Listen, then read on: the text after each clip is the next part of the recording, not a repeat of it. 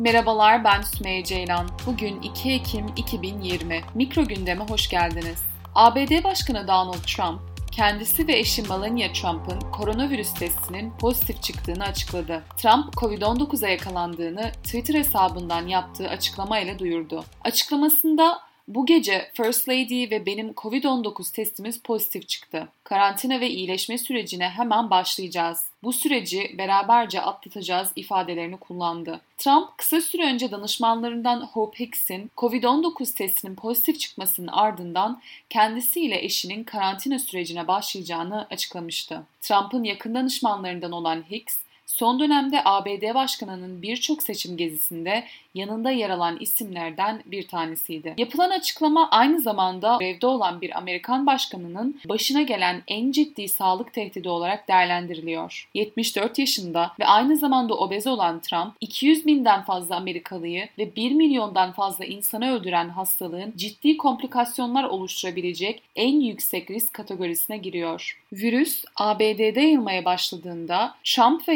yardımcılarının çoğunun sosyal mesafe ve maske takma gibi uygulamalardan kaçındığı biliniyor. Hatta salı akşamı başkanlık tartışmasında rakibi Demokrat adayı Joe Biden'la sık sık maske taktığı için alay etmişti Trump. Aynı zamanda ülkesinin koronavirüs konusunda köşeyi döndüğü konusunda ısrarcı olmuş ve virüsün aniden ortadan kaybolacağını iddia etmişti. Fakat kendi yönetimindeki sağlık uzmanları bile bu iddiaların gerçeği yansıtmadığını söyledi. Cumhurbaşkanı Erdoğan'la birlikte Birleşik Krallık, Hindistan ve İsrail başbakanları da Trump'a geçmiş olsun dileklerinde bulundu. Yine açıklama sonrası Pekin'de etkili bir araştırma grubu olan Çin ve Küreselleşme Merkezi'nin kurucusu ve başkanı Wang Huayo, dünyanın en güçlü insanı olan Amerika Birleşik Devletleri Başkanı bunu yakaladığında virüsün sınırları yoktur demektir, dedi. Trump'ın koronavirüse yakalanmasının hali hazırda gergin olan bir siyasi ortamda istikrarı daha da bozabileceği